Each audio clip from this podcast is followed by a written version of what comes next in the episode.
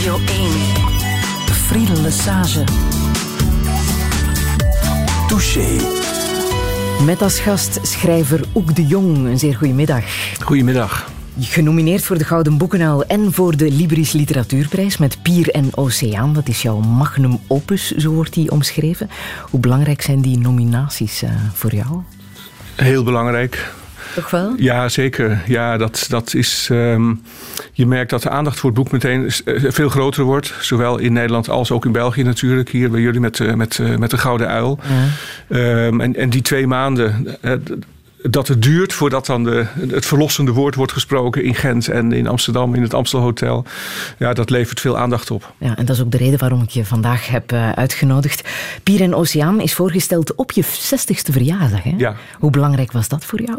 Ja, dat was een, dat was een, uh, een aardigheid of een, een lieftalligheid van mijn, uh, van mijn uitgever, ja? Tilly, Tilly, Hermans. Die, uh, die zag aankomen dat mijn 60ste verjaardag op, op 4 oktober, ik ben van de dag van Franciscus, um, en het verschijnen van het boek ongeveer samen zou vallen. Dus toen hebben we dat op één dag gezet. Ja, en je noemt het ook je moment de gloire.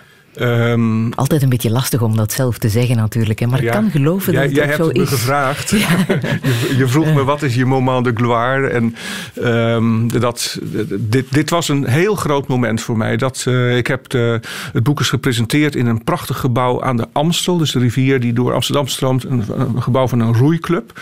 Um, boven onze hoofden hing een, een skif die nog uh, op de Olympische Spelen van 1936 uh, had, had gevaren.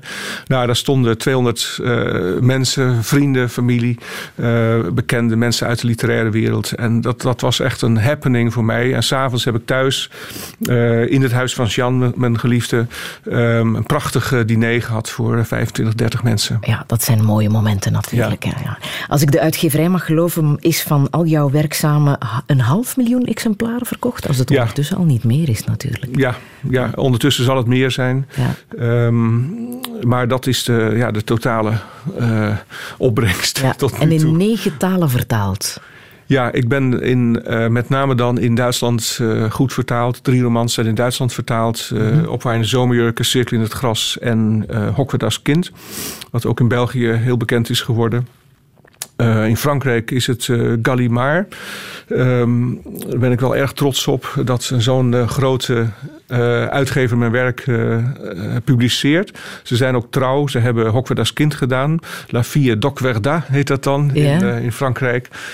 op haar in de zomerjurken is nu vertaald en zal verschijnen. En ja, het wachten is nu op een beslissing over die 800 bladzijden van Pier en Oceaan. Gaat men dit aandurven? Hoe wordt dat dan vertaald in het Frans? Pier en oceaan? Dat is heel moeilijk, want pier is jeté. Uh, dan zou je zoiets als la jetée et l'océan krijgen. En uh, mijn uitgever in, in Parijs heeft al gezegd: dit, is geen, geen, dit klinkt niet goed in het Frans. Oei, dat wordt een beetje een probleem, want dat kan je niet echt veranderen natuurlijk. Hè? Dat is de um, titel van een werk van Mondriaan. Ja. Ja, er wordt nog over nagedacht, ja, denk ik. Er, wordt, er, zal wel een nieuwe titel opkomen als ze het gaan doen. Ja, wordt omschreven als roman fleuve, um, over de verheerlijking van de dingen. En dat is ook wat wij hier doen in dit programma Touché. Oek de Jong, welkom hier.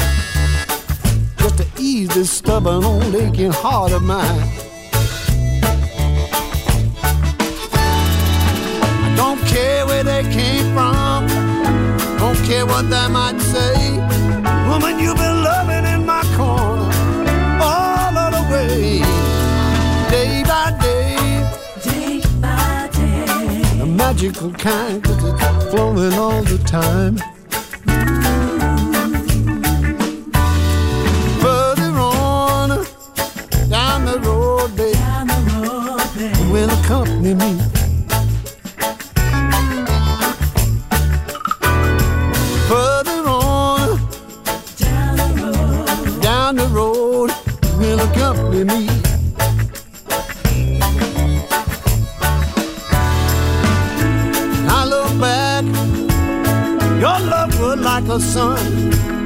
I don't remember any cold days, just remember the warm, warm fun. Further on, down the road, baby, you will accompany me.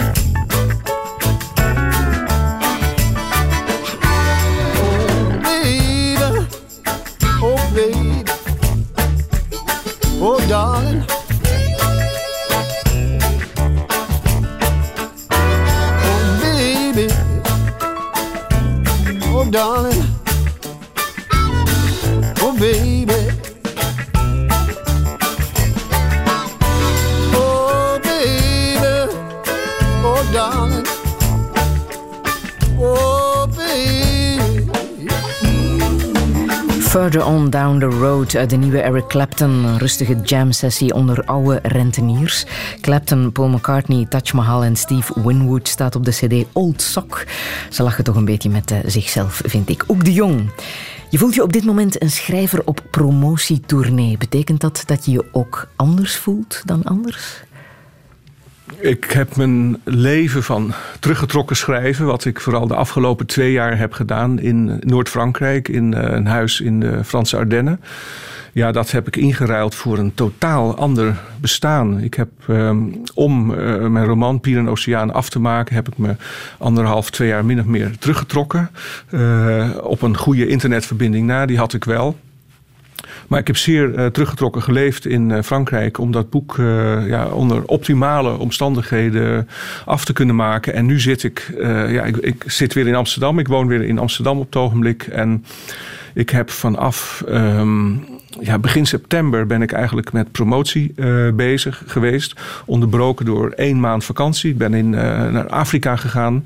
Ehm, maar ja, ik heb eh, denk ik duizenden kilometers afgelegd in, in treinen en auto's. Ja. Ehm, en ik denk bij elkaar 50, 60 interviews en optredens achter de rug. Ja, maar van nature ben je een Noorderling, zo omschrijf je jezelf. Dat denk ik wel, ja. Dat, dat, dat ik, de, de, de noordelijke gereserveerdheid, de noordelijke introversie, de noordelijke melancholie, eh, dat zit allemaal wel in mij. En hoe zou je dat omschrijven? Wat is dat dan, die Noorderling? Ehm, de Noorderling. De Noorderling voelt zich aangetrokken tot de Zuiderling. Daar begint het altijd mee. Ja? Ik ben, ik ben, ik ben als, ehm, als jong mens, dus in mijn twintig jaar, ben ik eh, als zoveel Nederlandse schrijvers en kunstenaars ben ik verliefd geworden op Italië. Met name dan op Rome. Nou ja, ik heb natuurlijk dan voorgangers vanaf de 16e eeuw zo ongeveer. Dus ik heb daar heel veel eh, verbleven. Ehm, ik ben nog steeds verliefd op de stad. Ik ben er onlangs voor een eh, televisieprogramma opnieuw geweest. Dat was de zevende of de achtste keer. Ehm, en voor de honderdste keer wierp ik een blik op het Pantheon. En eh, de magie van de stad was er voor mij nog, nog steeds. Ja. Dat, dat, het, dat aangetrokken, je aangetrokken voelen tot het zuidelijke, dat is natuurlijk iets wat, wat heel veel Noorderlingen kennen. Maar ik herken mezelf ook in noordelijke landschappen. Dus de, de Waddenzee die wij in eh, Nederland hebben. Die, die, die vlaktes eh, met, met de getijden, de eilanden in de verte. Dat is een landschap eh, ja, waar ik me toe aangetrokken voel. Maar er zijn ook weer Italianen die uit Milaan komen om de Waddenzee te zien. Dus dat, omgekeerd werkt het, werkt het Ja. ook weer. Maar ja, heel in het algemeen denk ik, ja, ik heb heel veel karakteristieken van de Noorderling. Ja. Het was in het noorden dat je bent beginnen te schrijven. Hè? Ja. Waaraan heb je dat gevoel dat je dat moest doen, dat je schrijver moest worden?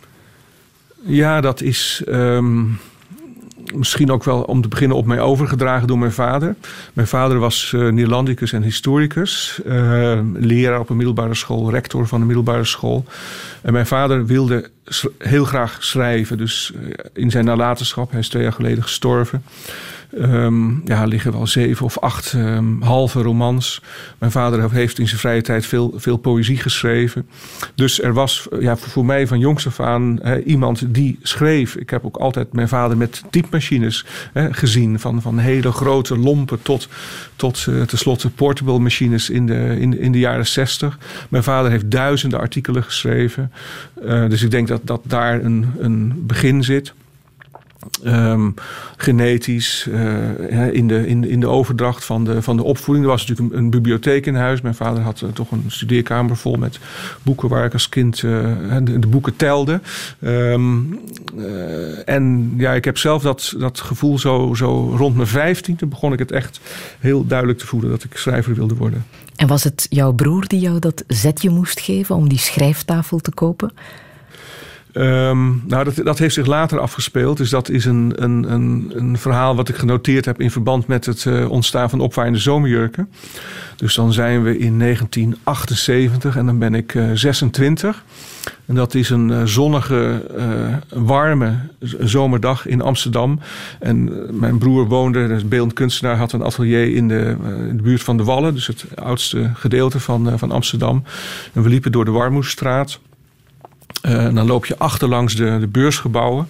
En daar stond een vrachtwagen. En eh, een aantal kerels waren daar bezig om oud kantoormeubilair uit die gebouwen te halen. En op de vrachtwagens te laden. En ja, mijn broer, die, die in de krakersbeweging zat, eh, had dus een oog voor, voor spullen die goedkoop te krijgen waren. Dus hij zei: Kijk, er gaat een, een prachtig gispenstoel. Gispen, dat zijn echt nu classics in, in het design. Een hele mooie gispenbureaustoel eh, heb ik daar gekocht. En een grote eh, tafel. Die, die, nou, dat alles bij elkaar heb ik voor, voor 50, 75 gulden heb ik, eh, heb ik dat gekocht. En dat was echt een, een, ja, een, beslissing ook om, om, om die roman Opwaaiende Zomerjurken te gaan maken. Ja. En jouw broer heeft ook geholpen om die schrijfkamer in te richten. Hè? Vooral te schilderen, dacht ik. Ja, hij was. ehm, hij, ik, ik, ik, ik kwam uit een, uit een relatie met een meisje. Die, die, die, die raakte in het slop. Ik ben toen alleen gaan wonen in Amsterdam op de, op de Hoogtekadijk. Ook ergens in het oude, oude, oude centrum. Een 17e eeuwse buurt. En daar kreeg ik een heel klein eh, appartementje, nogal verwaarloosd. Ehm, en mijn broer zei, je moet die vloeren die moet je zwart schilderen. Dat staat, staat gewoon goed, sterk. Dus ik heb toen, het was ook een beetje de mode in die tijd, eh, in de jaren zeventig. ehm, dat hele appartement, eh, dat is in zwart en wit eh, gegaan. Tenminste, de, de, de wanden waren wit en de vloeren waren zwart. Bestaat het nog? Ja, het is er nog. Ehm, het huis staat er nog. Ehm, maar de houten kozijnen zijn vervangen door aluminiumkozijnen. Want dat is goedkoper Ai. in het onderhoud. Ja. Maar dat maakt de gevel wel meteen een stuk lelijker. Maar ja, de, de, de oude portiek is er nog. Eh, de- als ik naar binnen kijk, de trappen. Het is allemaal nog hetzelfde. Wat blijft er over van die zwart-wit jongen van toen? Ehm,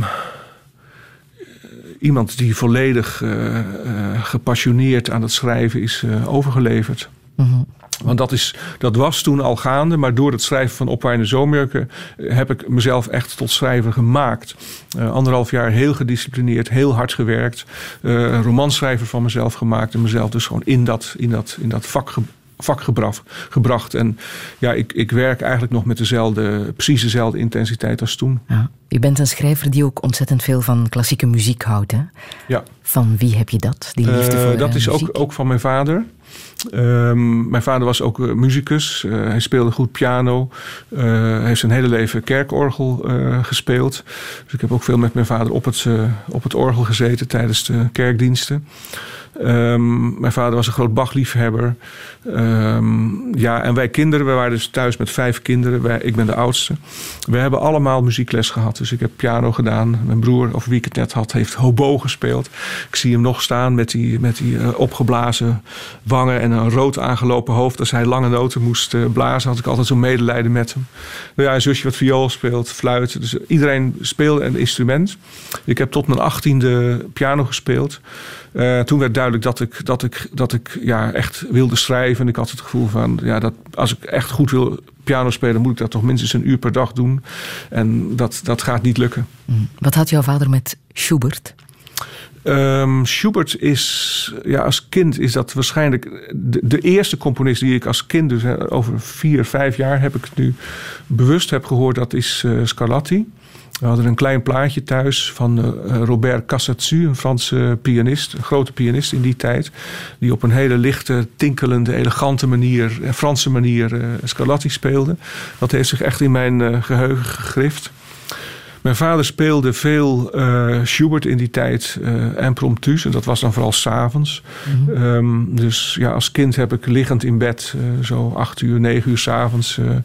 heb ik mijn vader, denk ik, heel veel eh, Schubert horen spelen. En die, die later heb ik ook die, die muziekband eh, eh, met impromptus volledig uit elkaar liggend aangetroffen. En daar heb ik zelf ook nog uit gespeeld. Ja, ik heb hier de gezongen versie van Der Tod und das Mädchen, Oh, dat mooi. ook een rol speelt in Pier en Oceaan. Ja.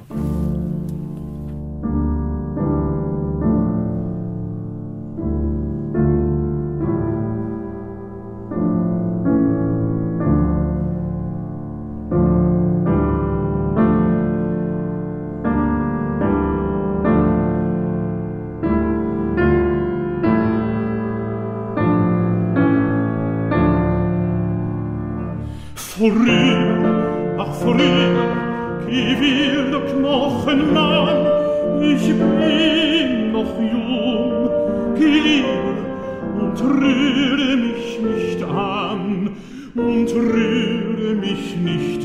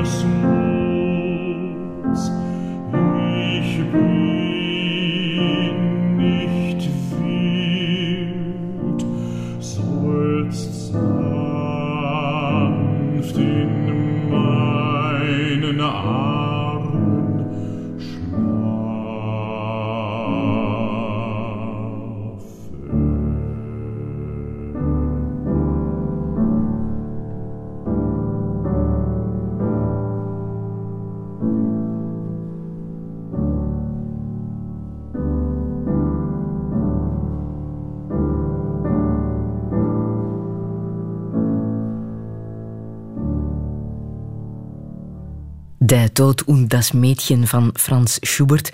Hier helemaal geanalyseerd door Oek de Jong, want dit is een versie die je niet eh, kende, hè? Nee, ik ken dit Tod und das Mädchen alleen als strijkkwartet. Het is een van de late strijkkwartetten van Schubert. Heel aangrijpend.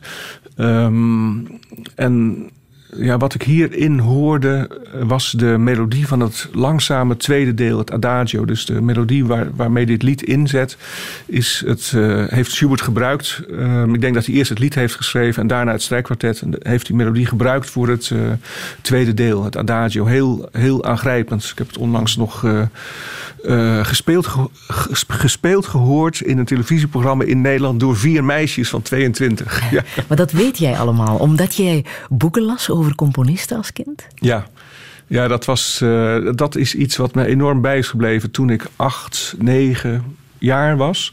Ik zie het, ook het huis in Zeeland nog voor me, de kamers waar dat eh, zich afspeelde. Toen was ik dus waarschijnlijk ja, lid geworden van de eh, bibliotheek in Goes op Zuid-Beveland. Ehm, en daar waren ja, grote geïllustreerde boeken over de grote componisten. Ehm, Haydn, eh, Beethoven, eh, Schubert herinner ik me ook, met dat kleine stalen brilletje. En die las ik als, als, als jongetje.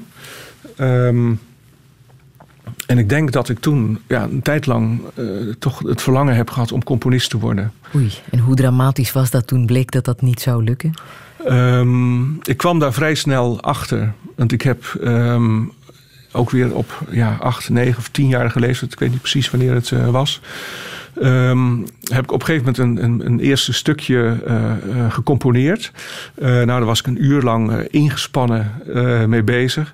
En ik kwam niet verder dan een aantal ja, grote akkoorden in, in, in C-majeur. Ehm, ja, het, het was niet echt wat, ik, wat ik verwacht had.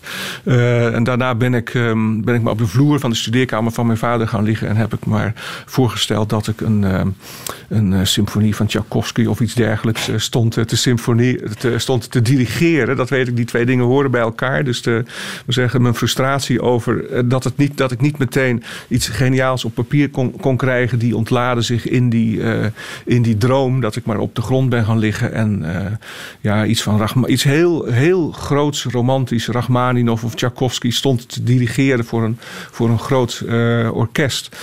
Ehm, maar dat is toch wel een tijdje bij me geweest dat ik, eh, dat ik eh, ja, die muziek in wilde. Maar ja, al op heel jonge leeftijd wist het door die boeken die ik gelezen had, dus over Mozart met name, eh, en voelde van ja, wat Mozart op zijn zevende, achtste aan een piano kon, dat, dat, eh, dat, dat- kan ik absoluut niet. En dat zal ik waarschijnlijk ook nooit kunnen. Een, eh, een, een, een groot stuk muziek één keer horen en meteen naspelen. Dus zo'n fabelachtig muzikaal geheugen hebben.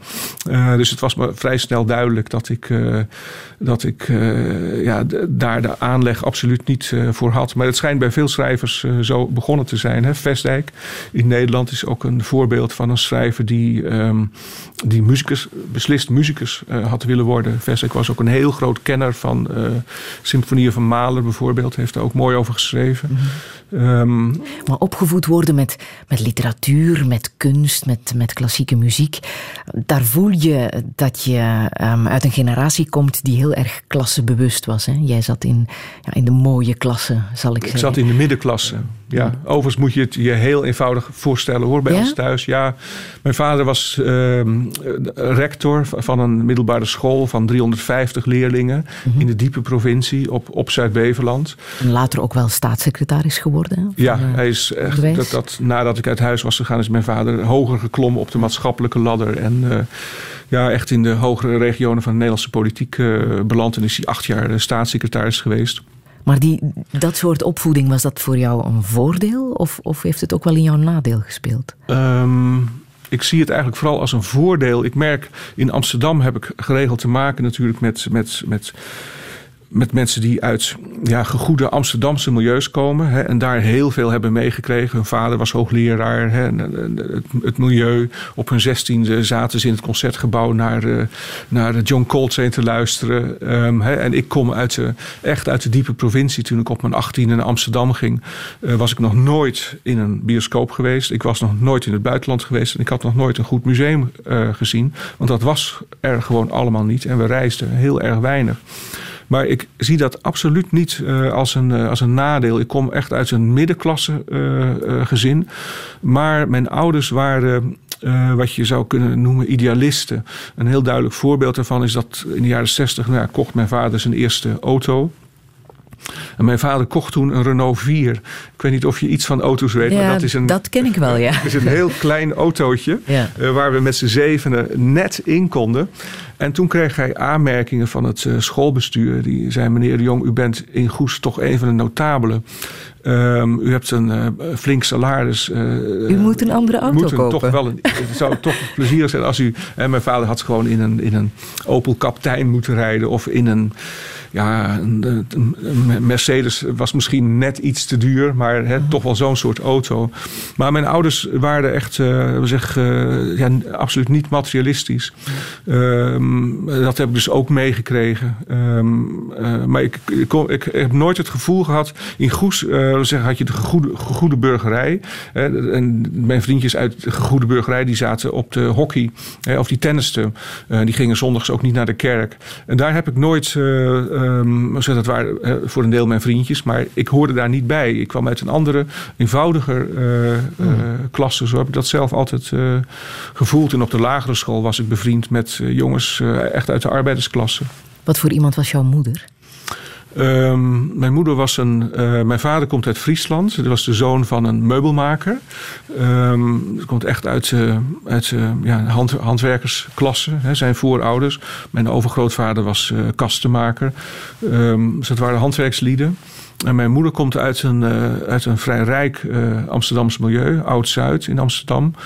Ehm, en haar vader ja, die was een self-made man. Die was op zijn zestiende als loopjongen begonnen bij Hirsch Co. Dat was een groot ehm, warenhuis in eh, zoiets als Lafayette in, in Amsterdam. Een modehuis. Eh, Dus hij bracht de pakjes rond hè, als loopjongen. En hij is op een gegeven moment in verzekeringen gegaan. En dat heeft hij kennelijk heel erg goed gedaan. Want hij heeft een bedrijf opgebouwd met 10, 20 eh, werknemers. En hij is eh, daar redelijk eh, rijk door geworden. Mm. En in hoeverre lijkt jouw moeder ook echt op eh, de moederfiguur uit Pier en Oceaan, Dina? Ik heb, ehm, ehm, ja, zowel voor de vader als de moeder heb ik gewoon aspecten van mijn ouders genomen. Die heb ik ja, gedramatiseerd ehm, eh, en, en gebruikt om daar personages uit te, uit te doen ont- ontstaan. Het zijn geen, geen echte portretten. Want als het, als het portretten zouden zijn, had ik er eh, ja, veel meer aan toe moeten voegen. Maar je romanschrijver richt. eh, Iedereen, elke romanschrijver heeft denk ik eh, ja, modellen. Dat is bijna onontkoombaar. Soms schuif je twee of drie modellen in elkaar tot één personage. Ehm, maar je bent toch vooral altijd met, met, met, met drama bezig. Hè? Dus dat zeggen, Dina is een, is een teruggetrokken vrouw. Dat was mijn moeder ook. Maar dat dramatiseer ik hè, in, in, in de roman natuurlijk. Om, om, om het verhaal te kunnen vertellen. Een aantal andere eigenschappen van mijn moeder heb ik ook gebruikt. Eh, ook elementen uit haar voorgeschiedenis. Een lesbische relatie in 1952. Kijk, het, dat laatste is bijvoorbeeld, daar weet ik bijna niets van. Eh, mijn moeder had dat volledig verdrongen. Is misschien ook maar iets heel kortstondigs en van één of twee keer geweest. Maar ik heb dat veel groter gemaakt.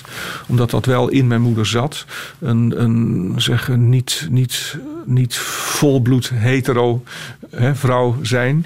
Ehm, maar ja, dat heeft, dat, dat, ik dramatiseer het allemaal. Dus ik, en ik zie, ik zie eh, Dina Houtijn, dus de moeder, en Liewe Roorda, de, de vader in het boek. Ik, ik zie dat ook echt als personages. En Maar dat niet, heeft ze wel aan jou verteld, dat ze een, een lesbische relatie heeft gehad. Ja, dat is op een gegeven moment. ehm, ehm, toen ik 17, 18 was, eh, naar voren gekomen.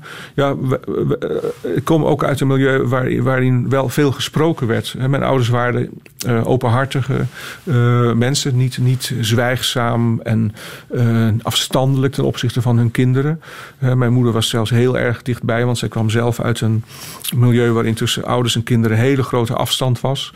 En dat was bij ons thuis helemaal niet zo. Dus ik heb zowel met mijn vader als met mijn moeder altijd heel veel eh, kunnen, kunnen praten. En mijn moeder heeft me dat ook op een gegeven moment ook, ook verteld.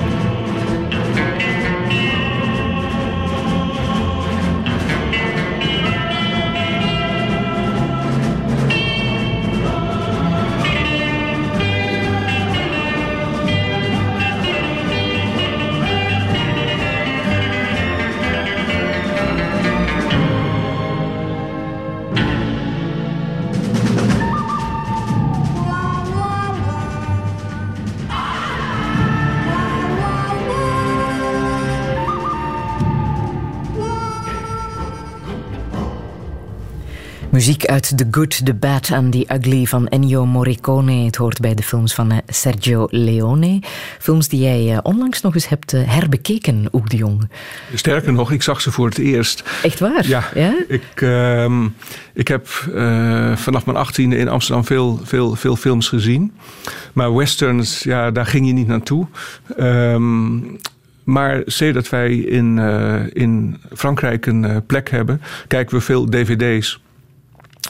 Ehm, en op een gegeven moment had uh, had, uh, die twee films van Sergio Leone geko geko gekocht. Once Upon a Time in the West met Claudia Cardinale en een paar andere grote sterren. En deze The Good, The Bad and The Ugly. En ik, um, ja, het woord western trekt mij helemaal niet. Maar deze twee films vond ik echt fantastisch. Um, omdat ze zo ongelooflijk uh, gestileerd zijn. Je ziet dat uh, Sergio Leone van Italiaanse afkomst is. Ik weet niet of hij in Amerika geboren is of, of in Italië. Maar het is uh, onmiskenbaar dat hij heel veel naar schilderkunst heeft uh, gekeken. Dus die films die zijn cameratechnisch uh, en stilistisch. Hè, dus de, zeggen, de kadrering van de beelden. Um, echt geweldig mooi. En ik vond ook de... Um, uh, de, de scripts heel erg goed gedaan. Hoe, hoe het verhaal in elkaar zit. Ik vond het werkelijk. Um, ja, en ook omdat het western aspect. Ja, dat, een goede western, dan moet je dat een beetje over de top jagen, natuurlijk. Zo'n zo'n stadje in de Midwest. En die, die pistoolgevechten. En dat, um, dat sprak mij vooral aan omdat het uh, ja, zo heel erg mooi gemaakt was. Maar hier spreekt ook de kunsthistoricus, hè?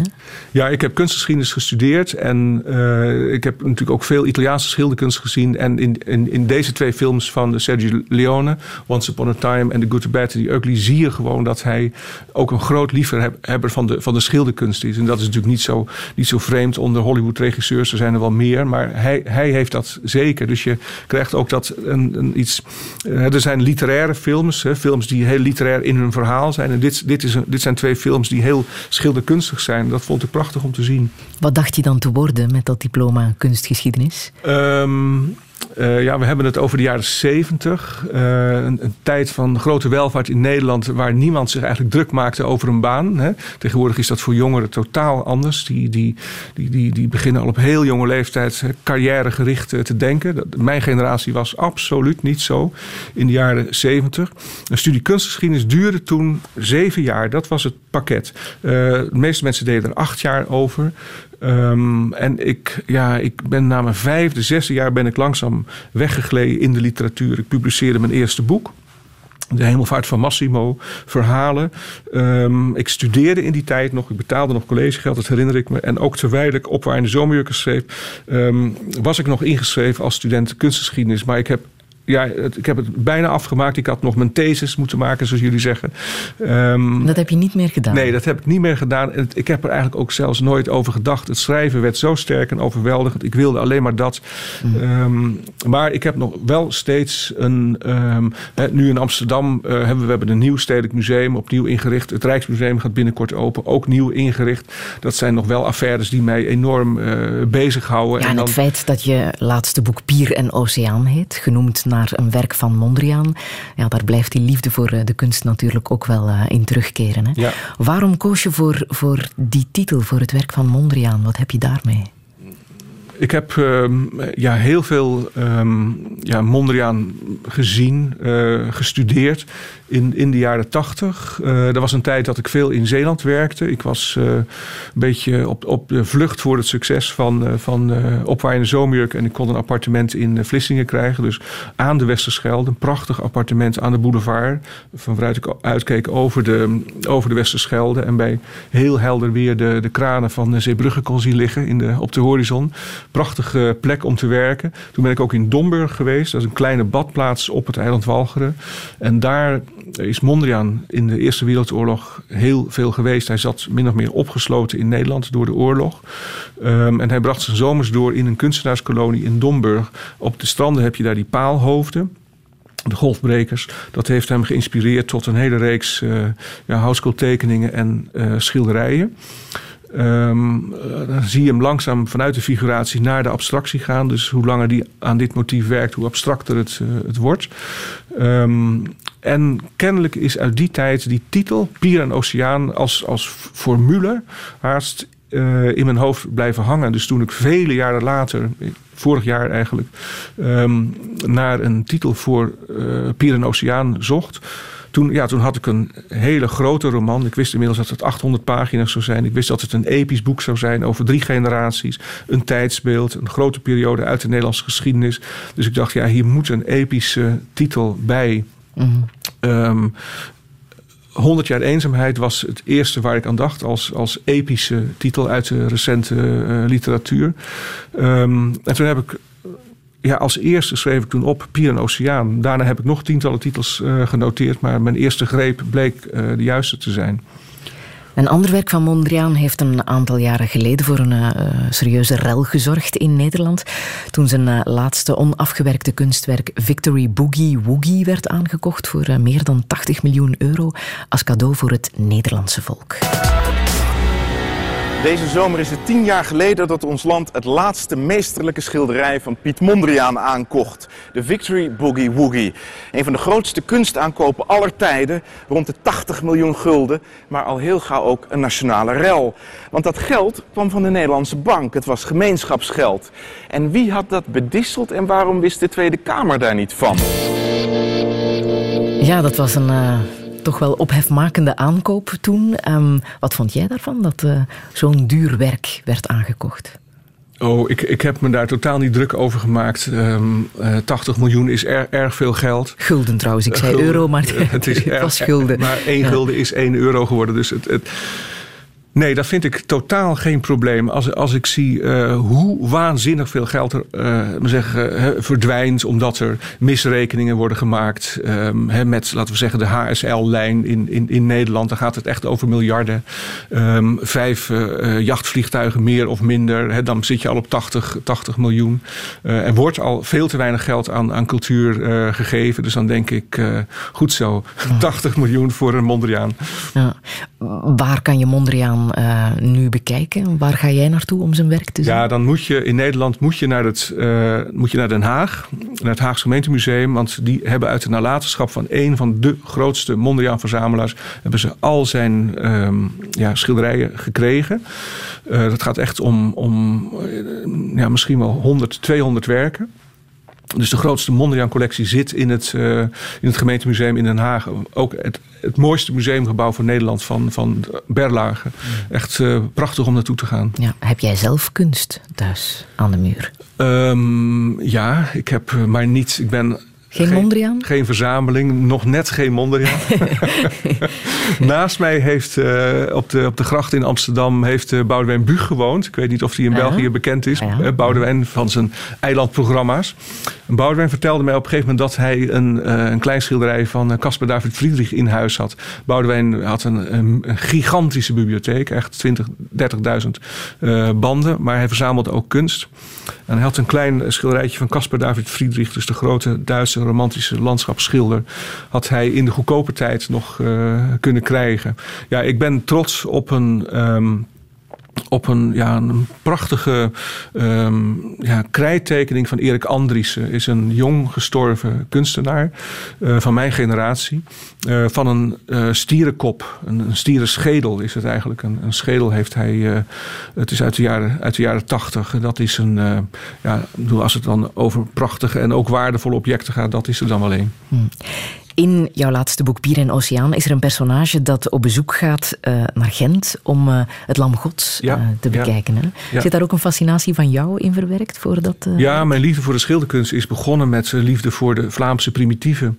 Ik weet niet of je die term nog mag gebruiken, maar dat is hè, de ouderwetse aanduiding van de Vlaamse schilderkunst. Hè. Het mag nog? Ja, tuurlijk want wel. ik heb wel eens gelezen dat er bezwaar was tegen het woord primitief. Maar, Want primitief is het natuurlijk bepaald niet. Ehm, nee, het is eigenlijk nog net iets eerder begonnen. Jeroen Bos. Eh, dat was mijn eerste grote liefde in de, in de schilderkunst. Ehm, eh, en daarna, vrij snel daarna, dus toen heb ik het over mijn zeventiende, mijn achttiende. Dus ik zat nog op het. eh, ik heb ook een, ja, een hele klassieke Bildung gehad. Ik zat op een gymnasium met 18 uur Latijn en Grieks in de, in de week. En wij moesten ook scripties maken.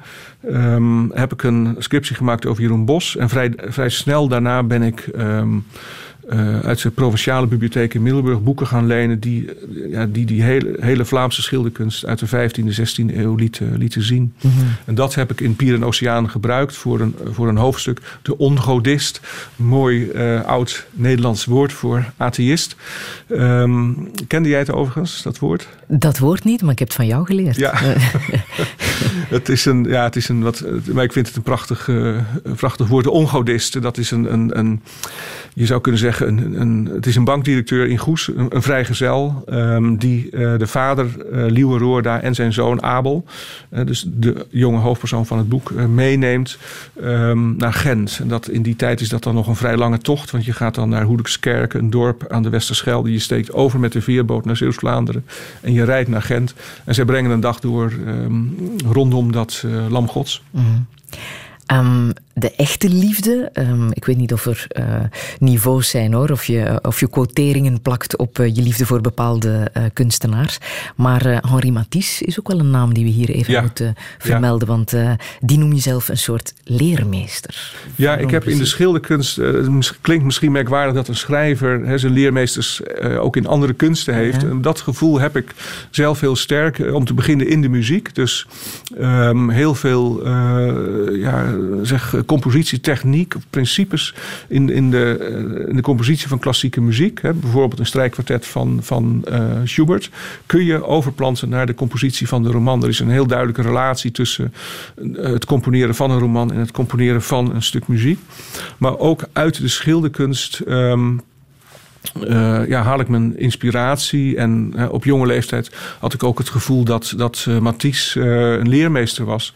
En dat heeft dan te maken met zijn, ehm, ja, met zijn enorme toewijding aan de kunst. Hè, wat ik bij Mondriaan ook gevoeld heb, uiteraard. Ehm, eh, en ja, heel bijzonder bij Matisse vind ik altijd dat hij op, op latere leeftijd, toen hij ja, in Nice werkte, dat hij de gewoonte had om, bijvoorbeeld als hij een stilleven schilderde, om eh, dat stilleven in één eh, dag neer te zetten en het dan door zijn assistent weer te laten uitwissen met, eh, met terpentijn. De volgende dag keek hij naar hetzelfde motief en maakte hij dat schilderij opnieuw. En dat ging soms wel 7, 8, 9, 10 keer zo door. En de tiende versie, hè, die liet hij dan staan. Dus als je foto's ziet van die schilderijen, dan denk je vanaf het tweede of derde schilderij bij het eerste, denk je: oké, dat snap ik wel, dat je dit laat, laat wissen. Het is nog heel naturalistisch, zo begon hij meestal en dan ging hij abstraheren. Maar vanaf de tweede, derde versie denk je: nou, puikschilderij, ik zou het wel, eh, ik zou het wel willen hebben. Ehm, eh, maar eh, het effect wat het op mijn schrijven heeft gehad, is dat die tiende versie van Matisse is natuurlijk, dan heeft hij dat motief enorm bestudeerd. Dus je krijgt een, een schilderij met diepgang, maar het is ook fris geschilderd in één keer namelijk. En dat is ehm, nou, bij mijn werk ook het geval. Ik maak mijn, schrijf in verschillende versies, maar de versies zijn wel steeds nieuw. Het feit dat kunstenaars elkaar inspireren bewijst ook dit project Kleur in E mineur. Een reeks die Radio 1 heeft gemaakt met muzikanten die hun favoriete schilderij bezongen. Dit is Nika die bezingt een werk van Raoul de Keizer. Come on, play it again, nummer 9.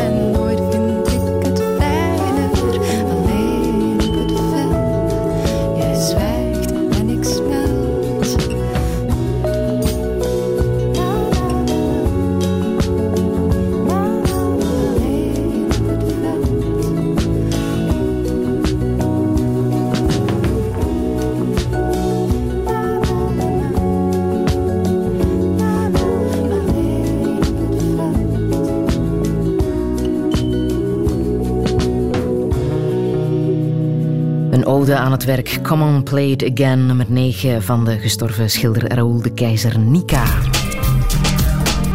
Touché. Ook de Jong. Ik wil even terug naar het nieuws van 17 februari 1990. Dit was toen bij ons te horen. In Amsterdam is de Nederlandse schrijver en vertaler Frans Kellendonk overleden. Hij was 39. Kellendonk debuteerde in 77 met de bundel Bouwval. Hij kreeg later bekendheid met werken als Nietsnut, De Veren van de Zwaan en Mystiek Lichaam. Dat laatste boek veroorzaakte in 86 opschudding in de Nederlandse literaire wereld. Volgens sommige critici zou het werk antisemitisch zijn, terwijl het ook een te zwart beeld zou geven van homoseksualiteit. Kellendonk wees die kritiek altijd scherp van de hand. Voor Mystieke Lichaam kreeg hij later de Bordewijkprijs. Radio 1.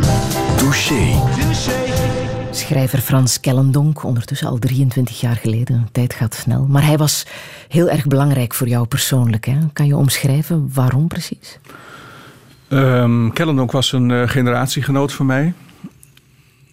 Eh, wij zijn samen begonnen in de, in de literatuur, eind jaren 70. Bij dezelfde uitgever, eh uitgeverij Meulenhof. Eh, toen een hele grote, ja, de mooiste Nederlandse uitgever. Ehm, ik ben met eh, Frans bevriend geraakt op een gegeven moment. En ik heb ehm, ook zijn laatste jaren he- heel intensief meegemaakt. Ehm, hè, Frans behoort tot die ja, wereldwijd generatie van ehm, ja, begaafde kunstenaars die door aids eh, is eh, weg, weggemaaid. Mhm. Hoe confronterend was dat voor jou? Ehm, voor, voor mij en al zijn vrienden, hè, wij, waren, wij waren jong. Ehm, in 1990, nou ja, toen was ik 38 eh, to- toen dat gebeurde. Ehm, Frans was echt de eerste vriend in mijn omgeving die, eh, die stierf. Ehm, en ik had het gevoel dat ik daar zelf en ook de andere vrienden... dat wij daar op 38-jarige leeftijd eh, nog, nog niet aan toe waren. Ehm, ehm, ja, dat is een, dat is een, ja, een heel indringende eh, eh, gebeurtenis geweest. Ik heb bijvoorbeeld de herinnering aan de, aan de begrafenis van, eh, van Frans. Eerst was er een, een, prachtige requiemmis in ehm, eh, de Nicolaaskerk in Amsterdam, schuin tegenover het Centraal Station. Daarna een begrafenis op Zorgvliet aan de Amstel dat ik ehm, van, het, van het uitvaartgebouw achter de kist naar het graf ben gelopen. En dat er twee hele goede vriendinnen van mij, die, die hebben een half uur eh, achter me gelopen en achter me gestaan bij het graf. En ik heb daar helemaal niets van gemerkt. Dus dat, dat, dat, eh, later is dat voor mij wel het, wel het beeld geworden. Dat ik, ehm, hoe, eh, ja, ik, ik was gewoon helemaal ergens anders. En niet eens merkte dat die, dat die twee vriendinnen van mij vlak bij me waren. Mhm. Vriendschap is sowieso iets dat heel erg belangrijk is hè, in jouw leven. Ben jij zelf een goede vriend? Ehm, ben in elk geval een trouwe vriend. Ik ben misschien soms een vriend die, ehm, die, die lange tijd eh, ni- niets van zich laat horen. Ik ben niet iemand die elke week contact zoekt. Ehm, maar ik heb hele langdurige vriendschappen nu, 30 jaar. Dus een aantal mensen die ik in de tijd van Frans Kellendonk eh, heb, heb leren kennen. Ed Spanjaard bijvoorbeeld, eh, muzikus, dirigent.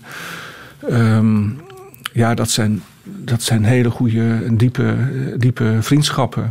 Wat- en wat- mannenvriendschappen zijn misschien ook meer zo dat je, dat je elkaar twee maanden niet, niet, niet kunt zien. Maar dat dat helemaal niets verandert aan de. Ik word daar niet nerveus van als ik eh, zelf ook niet. eh, ik, ik ben. Ja, voor een deel bevriend met mensen die, die een artistiek beroep hebben. Zijn vaak heel erg geconcentreerd op wat ze, op wat ze doen.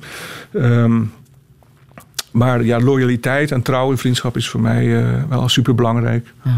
Het was aan het sterfbed van Frans Kellendonk dat er iemand anders in jouw leven is gekomen. Het een heeft het andere meegebracht. Ja, ja mijn eerste blik op, eh, op eh Jana heb ik eh, eh, geworpen aan dat ja, niet, niet zozeer het sterfbed, maar wel het bed waarin Frans op dat moment al eh, maandenlang of nog langer eh, ziek, lag te, ziek lag te wezen. Ja. En ja, zij was een, eh, ehm, een vriendin van Frans. Ze heeft het laatste jaar, anderhalf jaar in zijn leven veel voor hem gezorgd. Is veel met hem naar het ziekenhuis geweest. Ehm, eh, en ja, ik, ik, ik, ik, ik zag haar aan het voeteneinde van, van zijn bed zitten. Het Spanjaard was daar, was daar ook. En we hebben toen gesproken over de, de, de schoenen die ik eh, aan had. Zij, zij, zij viel op de schoenen, of ze zag in elk geval de schoenen die ik, eh, die ik aan had. En we hebben ook nog over een recept voor eh, stoofpeertjes gesproken. Dat herinner ik me uit, uit de Schijnbaar conversatie. banale dingen, maar het heeft jou toch geraakt, blijkbaar. Ja, dat zijn natuurlijk, bedoel, deze banale dingen onthoud je ook eh, omdat het een belangrijk moment was. Dat, Ja. eh, maar dat is, dat is mijn eerste blik ook op haar geweest. In hoeverre heeft zij jouw leven veranderd? Ja, heel, heel ingrijpend. Ehm, we waren alle twee al, al wat, zullen we zeggen, eh, wat op een rijpere leeftijd ge- gekomen toen we met elkaar begonnen. Ehm, eh, we zijn ook wel eh, vo- voorzichtig geweest in het, eh, in, in het begin, omdat je gewoon natuurlijk toch heel goed weet wat je, wat je aangaat. Ik had het flink wat achter de rug en zij ook. Ehm, maar ja, in de loop van één of twee jaar hebben we die levens toch eh, in elkaar geschoven. En eh, nu, nu zijn we 21 jaar bij elkaar. Mhm, Mooi. Prachtig.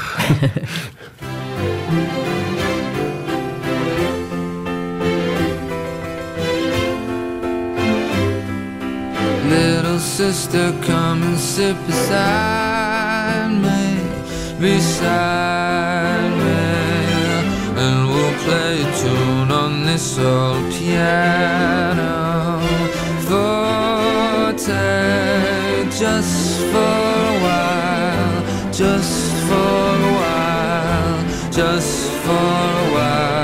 till your hair becomes a powdered wig and I become a total bastard. Feet that hardly reach the pedal, sewn to a tremendous shadow of a, of a history is on my side. So complain, have no shame, and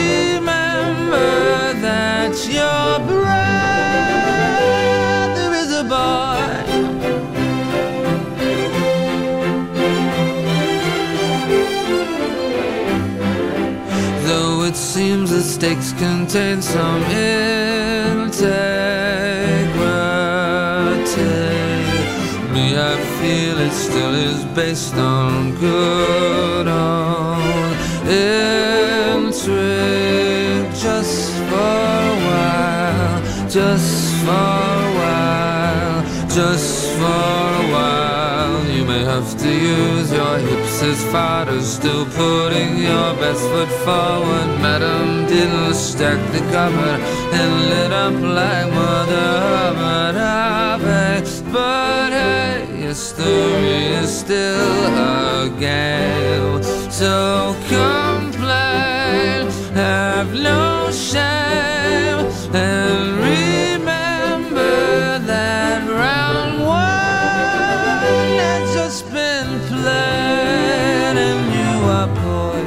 for centuries to claim. Following samples fall. No longer a choice. De fantastische Rufus Wainwright en Little Sister. Net een mailtje binnengekregen van een luisteraar die meldt... Pier en Oceaan is het eerste echte literaire werk dat ik lees. Ik zal spijt hebben als ik het uit heb. Oek de Jong heeft mij literair ontmaagd. Radio 1. Friedel Lesage. Touché. Mijn gast vandaag is Oek de Jong, auteur van Opwaaiende Zomerjurken, Hokwerda's Kind en zijn meest recente Pier en Oceaan, waar hij zo net twee literaire nominaties mee binnenhaalde. Zowel de Gouden Boekenuil als de Libris Literatuurprijs zouden wel eens in zijn broekzak kunnen verdwijnen. Al was hij als kind liever componist geworden. Uiteindelijk ging hij kunstgeschiedenis studeren om dan toch maar schrijver te worden. Nu op zijn zestigste wordt hij met gemak omschreven als een van de grootste schrijvers van Nederland. Ook al is hij de halve eeuw voorbij, is nog altijd bezig zichzelf te leren kennen. Dit is Touché met Oek de Jong. Een zeer goedemiddag. I never thought I'd be the one to leave you so well alone. But bit by bit I find that I'm bound to be still bound for home. The mad arrangement of my days, my descent into beige, the final masquerade is slipping away.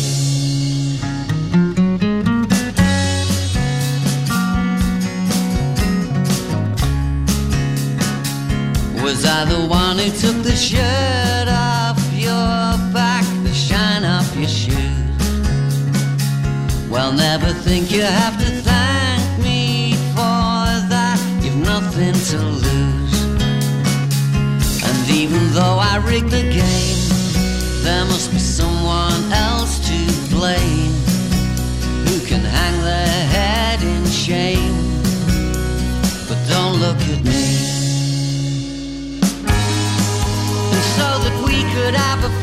on a better life.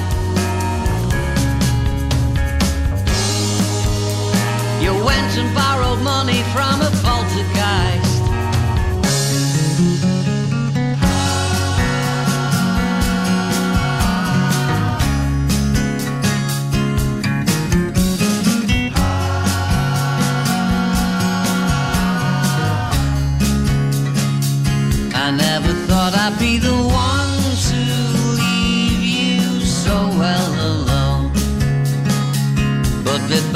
I find that I'm bound to be still bound for home. The mad of my days, my descent into beige, my final masquerade is slipping away. I Am Clued met Masquerade.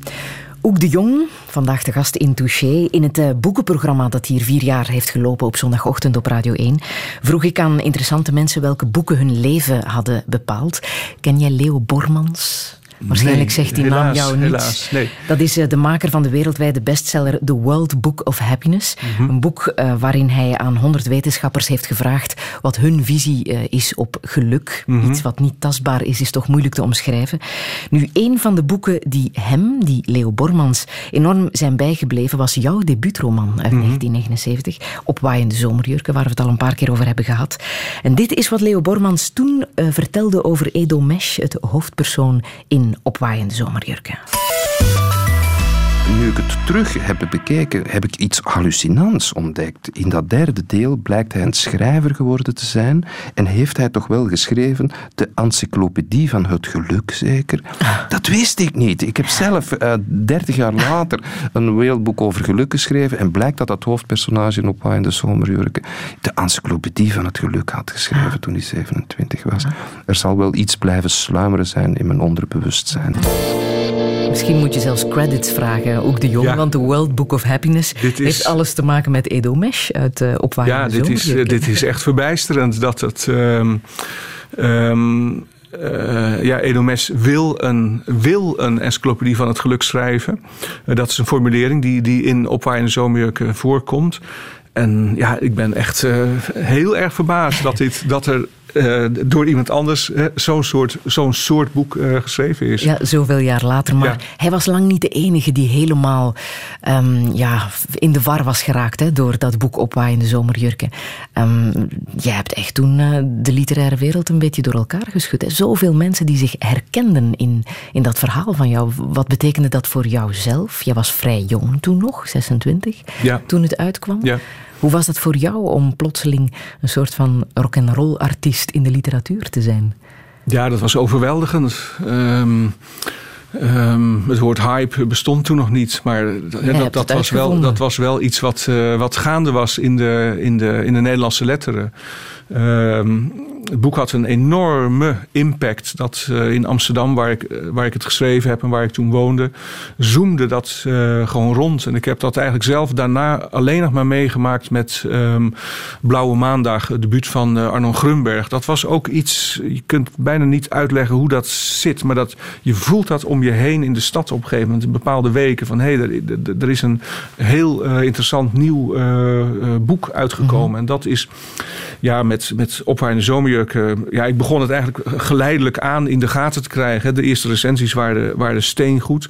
Ehm Verkoop was meteen heel goed. Er werden steeds nieuwe herdrukken gemaakt. Maar het heeft toch twee of drie maanden eh, geduurd voordat ik het. Hè, want ik kwam, ja, zoals ik in het eerste uur al vertelde, ik was nog eh, stu- student. Ik betaalde nog eh, collegegeld. Ik leefde nog als een student. Ik had bijna geen geld. Ehm, eh, dus dat, ja, dat duurde toch even voordat dat doordring, drong. Dat dat een enorme impact op mensen om me heen had. En heeft dat succes jou ook gelukkig gemaakt toen? Nee, succes is niet iets wat, ehm, wat, je, wat, je, wat je gelukkig maakt. Dat, dat was wel een van mijn ontdekkingen uit, uit die tijd. Dat, eh, dat, succes toch iets eh, oppervlakkigs is, wat aan de buitenkant van je leven zit. Ehm, het, het, het, in zekere zin verandert het je leven wel. Want ik was vanaf dat moment was ik gewoon een bekende auteur in de Nederlandse letteren. Ehm, eh, mijn bankrekening zwol snel aan. Ik kon dingen permitteren die ik me daarvoor niet kon permitteren. Maar hè, illustratief is ook wel dat ik me bijna niets permitteerde. Hè. Ik had een geweldige bankrekening, maar ik leefde min of meer door eh, zo, zoals ik gewend was. Het enige wat ik eh, eh, meer ging doen, dat waren de tickets naar Italië kopen. Dat, dat Milaan, vliegtickets. Dus ik ging niet meer met de trein, maar ik begon te vliegen. 300 gulden kon ik naar Milaan vliegen. En dan Maar dat ging- had je nodig, dat, dat vluchten, dat reizen. Ehm, ik ben. Ja, ik ben na het voltooien van opwaaiende zomerjurk... Hè, toen had ik anderhalf jaar bij wijze van spreken stilgezeten. Toen, toen had ik een enorme eh, reislust. Dus toen ben ik eh, drie weken naar Marokko gegaan. Ben ik met bussen het hele land eh, doorge, door. Ehm, en daarna ben ik ja, met mijn toenmalige vriendin naar Italië gegaan. Ehm, en ik ben in 1980, dus toen was het boek ongeveer één jaar uit. Toen begon het succes me wel te beklemmen, omdat er natuurlijk een enorme druk eh, ontstond. Een zware last op mijn schouders. Ik had in één jaar tijd 100.000 eh, exemplaren verkocht. In die tijd een ongekend aantal voor een eh, literair debuut. Dus ja, ik moest dat gaan waarmaken. Ik moest gaan bewijzen dat ik niet een one-book author was. Ik moest gaan bewijzen dat ik geen eendagsvlieg was. Eh, dus de druk was heel zwaar. Ehm, en ik begon het ook eh, vervelend te vinden om, om overal herkend te worden op straat. Als ik in een bioscoop eh, voor de kassa in een rij stond te wachten of zo, dan voel je toch om je heen dat je. En dat is even aangenaam, zoiets. Maar het, het- het- op den duur is het dat niet, Ja. niet meer. En je leert wel om je daarvoor af te schermen. Maar. Ik, eh, ik ben op een gegeven moment dus, eh, zoals ik al vertelde, eh, kreeg ik van een, van een, ja, een echte leermeester van me, eh, professor van een architectuurhistoricus, die had een, dat was een zeeuw, die had een appartement in Vlissingen aan de boulevard en hij zei, nou ga daar maar zitten. Dus daar heb ik twee, drie jaar heel veel gewerkt. Maar nu woon je in Noord-Frankrijk. Ja, maar dat is geen vlucht. Dat Nee? Is, eh, nee, dat is via Jana en via haar dochter Reineke en haar man Bart. Eh, zij hebben in het noorden van Frankrijk, in de Franse Ardennen, hebben zij op een gegeven moment eh, iets gekocht. Ehm, daar was een groot bijgebouw bij.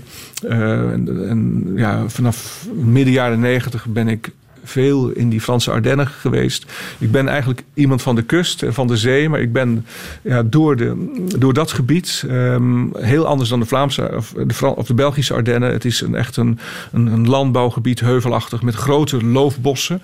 Ehm, dus niet van die treurige naald, naaldbomen voor lucifertjes, maar echt mooie oude bossen zie je daar. Eh, het is een streek waar zowel in de Eerste als in de Tweede Wereldoorlog heel veel is gevochten. In alle dorpen zitten de kogelgaten nog in de, in, in, in de, in de muren. Ehm, maar ik ben heel erg van dat eenvoudige, lieflijke landschap gaan houden. En ik ben een, ook een groot liefhebber van eiken geworden, van de eikenbomen. Ah, ja? Je hebt daar nog, eh, ja, ik zit eh, in, in, in, in, in, eh, ja, in een streek waar, waar de eiken het heel goed doen. Je hebt daar bomen van 100, 200 jaar oud. Ehm, en ik, de, ja, de eik is zowel in, in, in de zomer, in, als hij vol in blad staat, als in, in de winter als hij kaal is en zo'n mooi grafisch zwart tegen de blauwe hemel staat, vind ik eiken echt fascinerende bomen. En je hebt er ook een moestuin.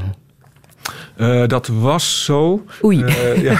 Niet meer? Eh, niet, niet meer. Ja, Jeanne is degene die de, die de tuin doet. We hebben daar een heel groot stuk grond en dat is haar passie.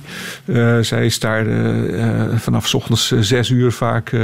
ze houdt van de, van de zonsopgang en vindt het jammer als ze die mist. Dus als we in Frankrijk zijn, dan gaat zij toch vaak vroeg uit bed de, de tuin in. Als de, als de, als de ochtendnevel daar nog, nog hangt. Ja. We hebben een tijdje wel een moestuin geprobeerd. Het, het is er ook nog wel een beetje, maar de grond is er niet echt geschikt voor. En omdat we er heel ongeregeld zijn. Ja, een moestuin moet je voortdurend bij zijn, moet je onderhouden. Dus dat is niet zo, is niet ideaal. Maar kan je zeggen dat die omgeving, de natuur, jou rust brengt? Ja, dat is eh, absoluut het geval. Amsterdam is een. Ik heb een heel rustig eh, appartement in het centrum van Amsterdam. Ik woon in een achterhuis, net als eh, Anne Frank. Ehm, eh, stil, de muren zijn heel erg dik, maar toch is er in die stad natuurlijk hectiek, eh, veel afleiding.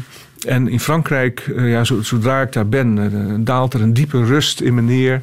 Ehm, en ja, is er alleen maar de, roman waar ik aan bezig ben. En kan ik eigenlijk ehm, ja, de hele dag in het verhaal blijven. En dat is voor concentratie heel belangrijk. Dat je gewoon constant door kan gaan. En dus ik werk daar sneller. Ja. En in hoeverre ben je daar geïntegreerd? Lees je de Franse kranten? Kijk je naar de Franse televisie? Ehm, we hebben geen televisie, maar ik luister heel veel eh, naar Franse radio, naar, naar, of naar eh, Frans muziek, hè, dus de klassieke zender. Ik ben verslaafd aan de Paris Match. Ah, ja? Eh, ik, lees, ik lees ook de Belgische versie wel. Als ik hier in de tankstations de kans krijg, dan koop ik die ook. De Belgische match is een, is een, een, een, een, een mix van Frans en Belgisch. Ehm, maar ik vind het op de een of andere manier, ik hou van fotojournalistiek. Eh, de match heeft eh, altijd goede foto's. Eh, ze zitten, en het is ook zeg, als je een, een, een blik op de Franse samenleving wilt krijgen van wat is hier nu belangrijk, Eh, wat wordt belangrijk geacht, Eh, hoe ziet men dingen, dan kun je via de match heel veel te, we- te weten komen. Dus ik vind het, het is ook een soort, eh, bijna een soort sociologie die ik, die ik bedrijf door de, door de match te lezen. En het is gewoon, ja, het, is, het blad komt op de woensdagmiddag uit en dan koop ik het meestal. Een soort, soort entertainment. Ja. En is dat ook de reden waarom je heel graag Charles Trenet met La Mer wou horen? Charles Trenet is een, is een, eh, ja, dat is een, een herinnering aan ehm, de zondagochtend in Frankrijk. Ehm, dan wordt op, de, op Frans muziek is er dan lichte muziek, zoals dat heet. Dus dan gaat het over vaudeville, variété. Het is meestal vaak muziek van voor de oorlog, voor de Tweede Wereldoorlog nog. Die hele de Franse chansons. En ze hebben dan ja, echt heel aandoenlijk hebben ze van die oude revue-sterren, zangeressen, de pittige vrouwtjes van 80, die in de studio nog een keer hun verhaal vertellen over met wie ze allemaal gewerkt hebben en hoe dat was de ruzies en de passies. En, eh, en dan draaien ze die, die, die, ja, die oude muziek die vaak. eh, ja, die, die, daar zit een warmte in en dat zit ook in, in eh, Charles Trenet. Dus daarom heb ik dit nummer uitgekozen.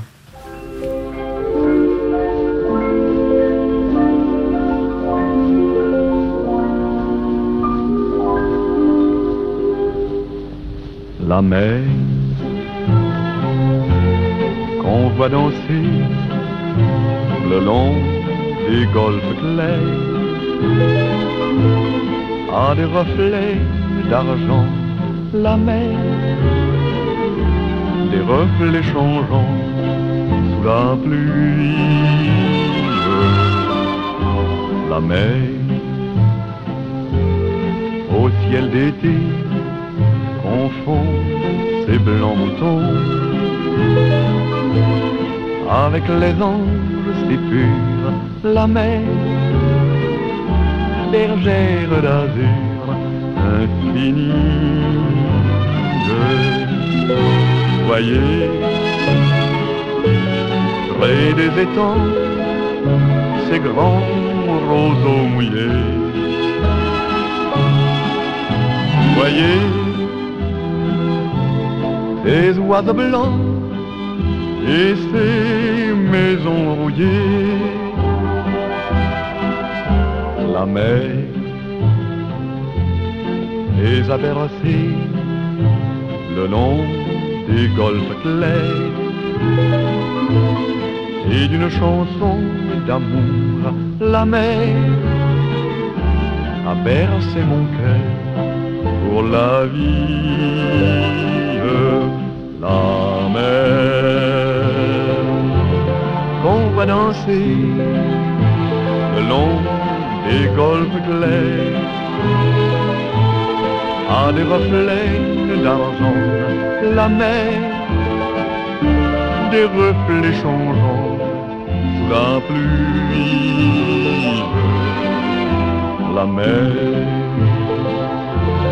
au ciel d'été, confond ses blancs moutons avec les anges si purs, la mer, bergère d'azur infinie. Voyez, près des étangs, ces grands roseaux mouillés. Voyez, ces oiseaux blancs et ces maisons rouillées. La mer, elle les a bercés le long des golfes clairs et d'une chanson d'amour là-bas a bercé mon cœur pour la vie. La Mer van Charles Trenet. Wij zitten hier een eh, heel fijn gesprek te voeren over water, want dat is ontzettend belangrijk in jouw leven. Hè? Een leven zonder water, dat kan jij je denk ik niet voorstellen. Nee, nee ik, ben, eh, ja, ik ben, ik ben een, niet alleen een Noorderling, maar ook opgegroeid eh, ja, aan, aan zee of, of vlakbij daar. Hè, in, in het noorden van Friesland zit je, zaten wij eh, 15 kilometer van de, van de Waddenzee. We kwamen daar overigens bijna nooit, omdat we geen auto hadden. En fietstochtjes beperkten zich tot, eh, tot de omgeving van het eh, stadje, jaren 50. Eh, de mobiliteit was toch heel gering. Ehm, en in Zeeland eh, ja, heb ik wel heel veel water, water gezien. Want ik zat vlakbij de Oosterschelde en de Westerschelde. Om te zeilen? Ehm, ja, wij zeilden op het, eh, ja, het Veerse Meer heette dat. Dus dat was een, een, een, een, een, afgesloten zeearm tussen Noord- en Zuid-Beveland. Een groot water. En dan hadden wij een zeilbootje. Doe je niet meer? Ik heb heel lang gezeild. Ik heb een, ik heb een eh, zeilsloep gehad, een overnaatse eh, sloep. Daar zeilde ik mee op de Oosterschelde, op het IJsselmeer. Ehm, ik heb een eh, 470 gehad. Die, die, die zie je bij jullie hier ook wel op de stranden liggen. De 420's en de 470's. Echt een snelle boot. Daar zeilde ik met mijn broer in. En zo rond de 50 ben ik daar eh, mee opgehouden. Want het is een, ja, in een 470 zeilen is echt atletiek op het water. Ja? En ja, meer aan jou besteed. Ehm, nou, ik, ik wilde gewoon een beetje relaxen. in plaats van komend uit de grote stad meteen weer in de trapeze hangen of buitenboord hangen en eh, met zo'n boot eh, over het IJsselmeer spuiten. Dus dat is langzaam en dat is ook tijdgebrek. En, en ja, ik ben veel meer in Frankrijk gaan wonen, dus zo is dat langzaam op de achtergrond geraakt. Oek de Jong, ik ga nog even terug naar jouw kinderjaar. Je moet elf geweest zijn toen dit in het nieuws zat. De moord op de Amerikaanse president John F. Kennedy. Just a few minutes ago, the President of the United States turned from Houston Street onto Elm Street on his way to a scheduled luncheon appearance at the Stemmons Trade Mart. And as he went by the Texas School Book Depository, there were three loud, reverberating explosions. We do not and cannot confirm the reports at this time that the President has been shot. Het moet echt een grote indruk hebben nagelaten, want dat is zowat het enige historische feit dat je hebt verwerkt in jouw laatste roman Pier en Oceaan. Wat weet je daar echt nog van, van dat moment dat dat gebeurde? Nou, zelfs die zin nu, the president has been shot, uh, dat bezorgt mij nog de, nog, nog de rillingen. Uh, mijn herinnering um, is dat ik um, boven kwam. We hadden een, een, huis met wonen op de eerste verdieping. S ochtends om zeven uur. En dat mijn vader daar gebogen stond over de tafel. Twee kranten die wij uh, lazen. dat hij niets zei, maar dat ik dus in de koppen en in, uit de foto's kon afleiden dat John F. Kennedy in, in Dallas was neergeschoten. Um, ja, pas achteraf heb ik begrepen waarom dat zo'n enorme indruk op mij uh, heeft gemaakt. En dat kan alleen maar zijn omdat ik uh, als kind onbewust uh, de president van de Verenigde Staten als de machtigste man ter wereld beschouwde. De Amerikanen waren ook nog onze bevrijders, zo stonden ze in Nederland en zeer hoog aangeschreven.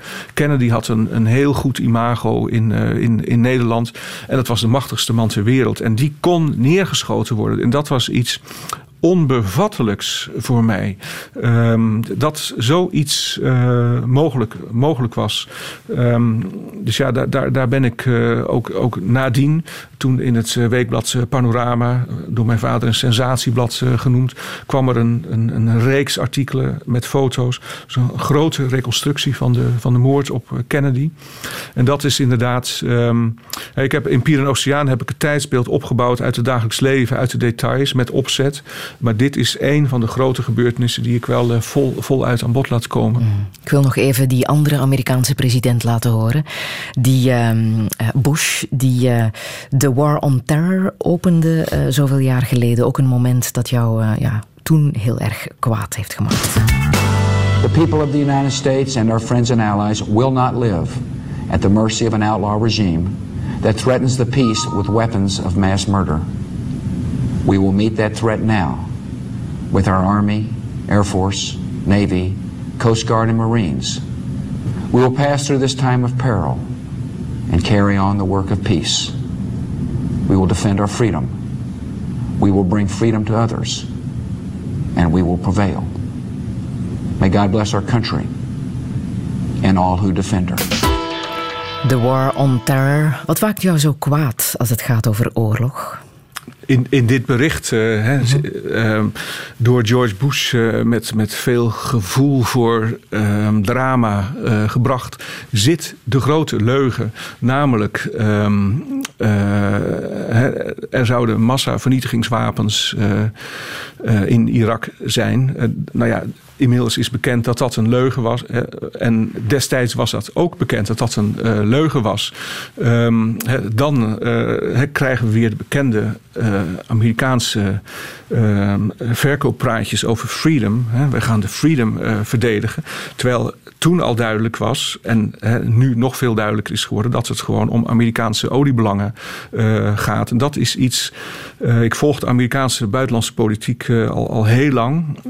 ben altijd erg in, geïnteresseerd. En, maar ik heb ook een, wel een soort, sedert de oorlog in Vietnam, een soort anti-Amerikanisme eigenlijk ontwikkeld. Um, uh, vanwege het feit dat die Amerikanen naast al het goeds wat ze ook in de, in de wereld brengen, toch um, eigenlijk al sedert de 19e eeuw, toen ze voor het eerst in Hawaii oorlog zijn gaan voeren, uh, ja, menen dat ze overal ter wereld, in elk land, de deur in kunnen trappen. Op het moment dat hun belangen daarmee gemoeid zijn. En dat, dan is er altijd een soort, soort prachtige, idealistische babbel daaromheen. Want het gaat om vrijheid en democratie. En we gaan democratie in Irak brengen. Ehm, ja, ik vind dat van een zo verschrikkelijke hypocrisie. Hè, en dan nog gecombineerd natuurlijk aan het feit dat het om oorlog gaat. Hè, met waanzinnig veel doden. Hè. In Irak zijn in één week eh, meteen 100.000 Iraki's eh, om het leven gekomen. Ja, dat, dat vind ik verschrikkelijk. Mm, dus jouw bewondering voor de Amerikaanse presidenten is sinds jouw jeugd toch behoorlijk geslonken. Ik heb alleen eh, zeg, een, een, een zekere affiniteit gehad met, met, eh, met Carter en, en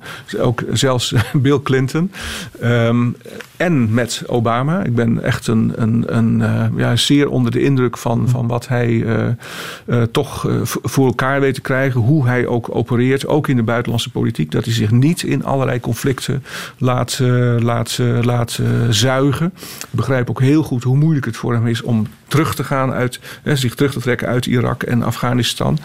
Ehm, maar ja, eh, ja, die Amerikaanse buitenlandse politiek en dat, dat oorlog voeren, dus Vietnam, Korea, alles wat er, wat er gepasseerd is, dat eh, heeft mij altijd enorm eh, eh, eh, ja, bezig gehouden.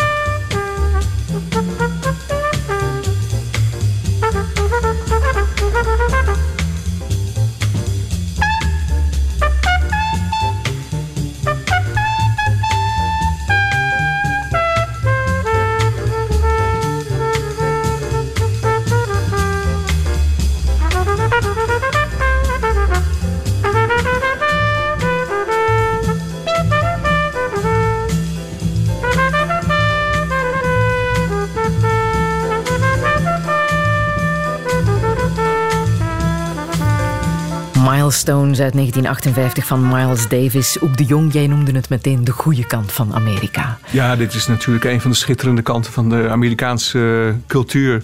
Miles Davis, eh, John Coltrane, eh, Cannibal Adderley. Eh, muziek waar ik heel graag naar luister. In het algemeen jazz, zwarte muziek. Ja. Maar Miles Davis is misschien ook groot geworden omdat hij een donkere periode heeft gehad. Hè. In zijn jonge jaren verslaafd aan drugs. Heeft toch wel een en ander moeten doorstaan om dan tot dit soort prachtige muziek te komen. Ehm, als er al een litteken bij jou is, dan zit dat ergens in jouw voet. In mijn voet, ja. Dat, eh, ik dacht, waar gaat ze naartoe? Drugsgebruik, dat... eh, dat Drugs niet, maar, maar een niet ander litteken. Eh, Iets blijven er is ook geen, ik heb ook zelf geen injectienaald in mijn, in mijn voet gestoken. Ehm, ik heb een, ehm, eh, een, een, een heel lang van kindsbeen af een, een litteken gehad op mijn rechtervoet. En bovenop een wit plekje. Eh, en daar heb ik een pokkenprik gehad. Ik weet niet of die tegenwoordig nog gegeven wordt aan eh, jonge kinderen. Maar destijds, in de jaren 50, kreeg je een pokkenprik. Eh, meestal kregen kinderen die in hun bovenarm. Dus dan zag je in het zwembad zag je bij kinderen meestal rechts. Op de arm, hè? Zag je daar bij de schouder zag je twee of drie witte plekjes zitten. En bij mij is die om de een of andere reden op mijn voet gegeven. Ja, en heeft die belang gehad in jouw verdere leven? Nee, op geen enkele manier. Nee, er zijn wel littekens, maar niet, niet dit litteken. Nee. Maar van waar komt dan het luie oog? Ehm, ja, dat is, dat, is, dat is me overkomen. Ik, ik kan alleen maar afgaan op de, op de, op de verhalen van mijn moeder. Ehm, en mijn vader uiteraard. Ehm, ja, ik, ik ben geboren met twee rechtstaande ogen. En het idee is, en het schijnt ook ja, waar te kunnen zijn... eh, dat ik eh, de mazelen heb gehad. En na de mazelen eh, stond mijn linkeroog... Ja, eh, wa- was ik scheel geworden. Dus dat, dat, dat linkeroog dat, dat dreef een beetje heen en weer. En dat lag in mijn ooghoek eh, bij, mijn, bij, mijn, bij mijn neus.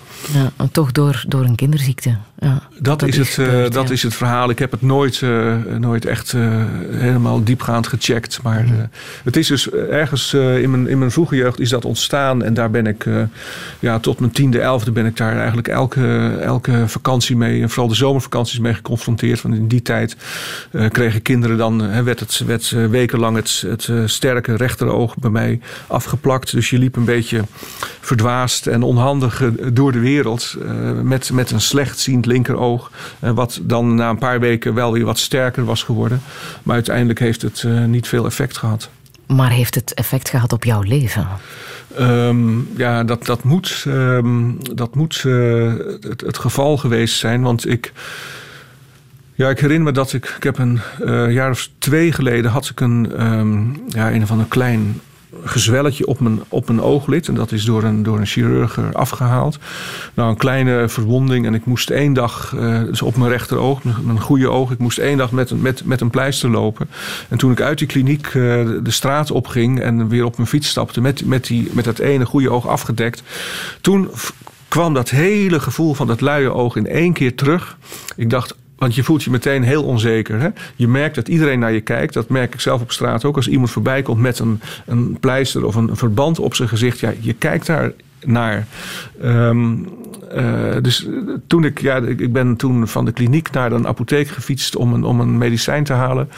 Ehm, en in die, die, die kleine tocht of zo kwam dat helemaal terug. Ik dacht, ja, dat moet toch enorm veel ehm eh, teweeg hebben gebracht. En wat kwam toen terug? Wat, wat Nou, de onzekerheid hè, om te beginnen eh, van het bewegen. Dat je, dat je, je, je, je, je, je, je stapt van de straat een stoep op. En, maar je kunt de afstanden niet goed schatten. Met, hè, met, een, met een afgedekt sterk oog. Dus kijkend met een zwak oog. Ehm, maar ik denk ook in het algemeen. Ja, eh, vroeger werd je op het platteland, als je scheel was, werd je gewoon uitgescholden. Je, je, Gebeurde dat bij jou? Ehm, dat denk ik wel. Dat verdring je allemaal. Hè. Ehm, ja, dat, ja, ik heb daar natuurlijk. eh, ik weet zeker dat dat, dat, dat gebeurd is. Heeschelen. Ja. Ehm, En, en denk je dat daar een verband is eh, met de neerslachtigheid die je lange tijd hebt gevoeld? Want je hebt tien jaar lang je donkere jaren gehad. Hè? Die Ja. omschrijf je ook zelf zo, tussen 85 en 95. ja. Denk je dat dat daar iets mee te maken kan? Ehm, ja, dat is heel moeilijk te, te controleren, zoiets natuurlijk. Ik heb eh, tien jaar lang echt een hele zware depressie gehad. Heel moeilijk kunnen werken. Ehm, ja, ik denk om te beginnen, en dat laat ik ook in Pier en Oceaan zien, hè, want daar speelt eh, de zwaarmoedigheid, melancholie, depressie, spelen een rol. Maar daar hè, laat ik zien dat dat eigenlijk uit de generaties komt. Dus het komt, hè, wat mij betreft, ook eh, net als in het boek eh, van moederskant. Dus mijn moeder eh, had een hele sterke aanleg voor depressie. Haar moeder ook weer. Dus dat is eigenlijk iets wat, ja, ik denk, genetisch en eh, misschien ook door de opvoeding. eh, is, eh, is, is, doorgegeven. Ehm, Ja, denk je dat depressies daarmee te maken kunnen hebben? Onder andere. Het is een heel complex verschijnsel. Eh, tenminste, de echte zware eh, depressie is een heel complex verschijnsel. Ik denk dat het, eh, dat het zeker ook te maken heeft met, met wat jij zelf naar voren brengt. Hè, met dingen die in mijn jeugd. ik heb me in mijn jeugd altijd geïsoleerd gevoeld. Ehm, het- natuurlijk waarschijnlijk door dat, door dat schele oog. De onzekerheid en het gevoel van minderwaardigheid wat dat met zich meebrengt. Maar ook omdat ik mijn jeugd heb doorgebracht op plekken waar ik een buitenstaander was. Dus zowel in Friesland, de provincie, als in Zeeland, de provincie, was ik een buitenstaander. En heb ik bijvoorbeeld ook de taal moeten leren hè, om daar me onder de jongens te kunnen, te kunnen mengen. Ik denk ook dat depressie een, ehm, we zeggen, een culturele component heeft. Dat het echt met onze cultuur te maken heeft, met ontworteling van mensen. Ehm, dat, dat, daar, daar zijn ook officiële eh, theorieën over. eh, psych- psychotherapeuten die die, die culturele component eh, on- onderzoeken. Het is een heel complex ehm, eh, eh, eh, verschijnsel. Ik, ik zou zo vijf, zes verschillende oorzaken kunnen, kunnen, kunnen noemen. En wat heb je gedaan om daaruit te geraken? Want tien jaar lang is wel heel erg lang, hè? Ja, ja dat is. ehm, ja, ik had het er gisteren nog met, met Jana over. Het kwam even langs. eh, ik weet niet hoe. Ehm, ehm, toen ik in Amsterdam kwam, ehm, eh, in de jaren 70, begin jaren 70, toen op mijn 2, 23ste, toen begon het zich voor het eerst heel sterk eh, te openbaren. Maar toen wist ik eigenlijk niet wat het was. Ehm, omdat dat toen nog niet leefde. Het woord depressie was een nieuw woord en dat zat nog niet in het spraakgebruik zoals het er nu eh, in zit. Dus ik had allerlei ja, merkwaardige verschijnselen van diepe neerslachtigheid, totaal geen energie. Eh, alsof ik de hele dag door zware modder liep te waden om, eh, om maar dingen te kunnen doen. Eh, hele eigenaardige verschijnselen die ik, die ik, die ik totaal niet kon plaatsen. En dat is, ja, langzaam maar zeker is dat geëscaleerd. Ik heb ehm, op de Zomer kunnen schrijven. Ik heb Cirkel in het Gras kunnen schrijven. Toen was ik 33. En toen ben ik ehm, eh, ja, ingestort, is niet het woord. Maar ik had voor Cirkel in het Gras had ik gewoon te hard gewerkt. Ik was echt overwerkt geraakt. De spanning was heel hoog geweest. Ik had vier jaar aan een grote roman gewerkt. Het, het- nou, het is me gelukt. Het boek is een succes geworden. Ehm, eh, en, maar toen ben ik op de een of andere manier afgeknapt. En toen ben ik dus tien jaar lang echt de, de afgrond ingegaan. Mhm.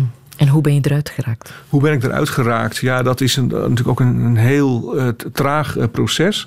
Medicijnen waren er in die tijd niet veel. Ehm, Prozac begon helemaal aan het eind van die periode. Dus, dus eh, laten we zeggen begin jaren negentig. Toen begon Prozac eh, zo rond te gaan. Ehm, ja, ik wilde eh, geen medicijnen gebruiken. Dat wist ik heel zeker. Omdat ik het zag als een ja, als een, als een storing, hè, diep in mijn, in mijn persoonlijkheid. En ik wilde gewoon weten wat dat was. Ik wilde daar eh, ja, grip op krijgen.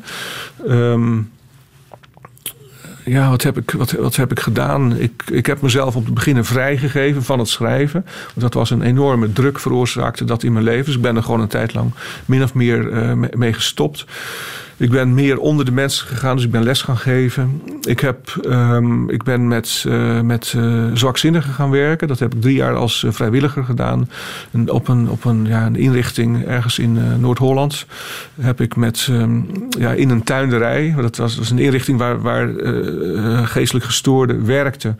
Dus een groep mensen van boven de 18 werkte daar in een, in een tuin. Autisten, eh, ehm, eh, Mongolen, mensen met hersenbeschadiging. Dus daar heb ik drie jaar elke vrijdag en zaterdag eh, eh, mee gewerkt. En dat heeft mij ja, enorm, Fysieke arbeid. Ja, fysieke arbeid, maar ook werken juist met deze mensen.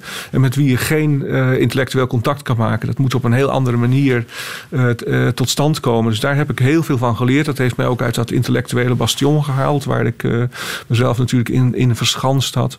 En ik heb drie jaar echt hele goede psychotherapie gehad. Ik heb lang gezocht voordat ik de juiste therapeuten te pakken had. Een man en een vrouw, een echtpaar. En ik heb anderhalf jaar met een man zitten praten. En daarna het, het voor het fijnere werk met, met zijn vrouw. Eh, en dat heeft. Ik, er, zijn, er zitten nog steeds, eh, zeggen, ja, uitspraken van deze mensen zitten. komen af en toe nog steeds eh, bij me, bij me terug. Ik- Die ben ik erg dankbaar. Ja. Maar nu gaat het goed. Al heel lang hoor. Ik heb het nu echt over iets. Zeggen, ik ben, ik ben eh, Jana tegengekomen in 1990, 1991. Ja, de ontmoeting met haar, dat is een grote ommekeer in mijn, in, mijn, in mijn leven geweest. Maar ik had ook nooit bij haar kunnen komen als ik niet eerst al die andere dingen had, eh, had gedaan.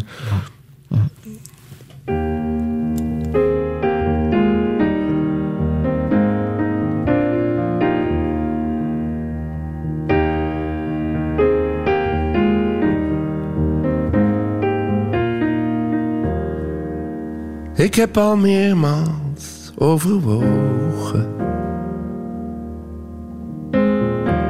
Het gaat er niet om hoe snel ik reed. En evenmin hoe ik zal rijden.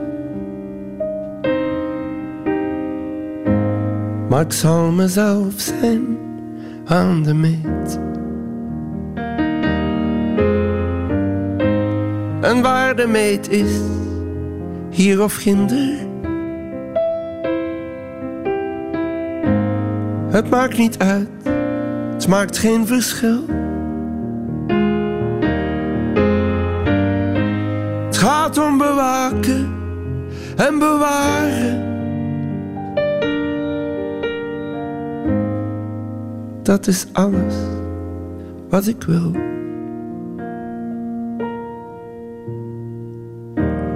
Soms lijkt de rit niet meer te dragen. Het is de tijd die aan me vreet.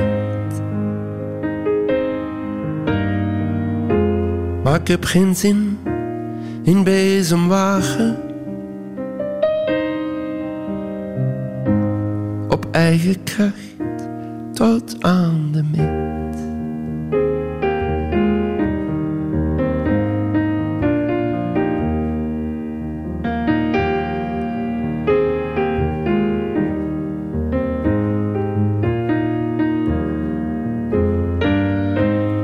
Liever het klimmen dan het dalen. Want dalen geeft je overmoed. En bovendien, het is slechts dalen. Meestal met bekwame spoed.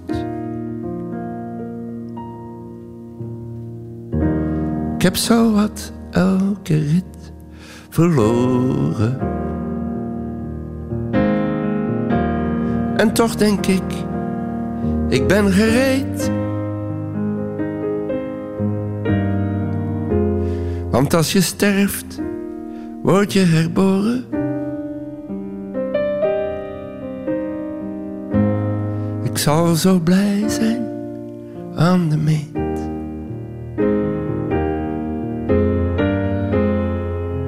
Als je sterft, word je herboren.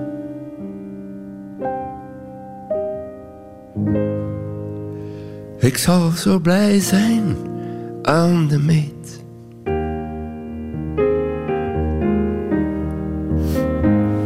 De levenswijsheid van Raymond van het Groene Woud. Ik wil mezelf zijn aan de meet. Ook de Jong. Wat is jouw levensmotto? Ik heb eigenlijk geen levensmotto. Het is niet een eh, devies ehm, waar ik elke ochtend mee wakker word. Eh, of iets wat ik eh, ehm, koester.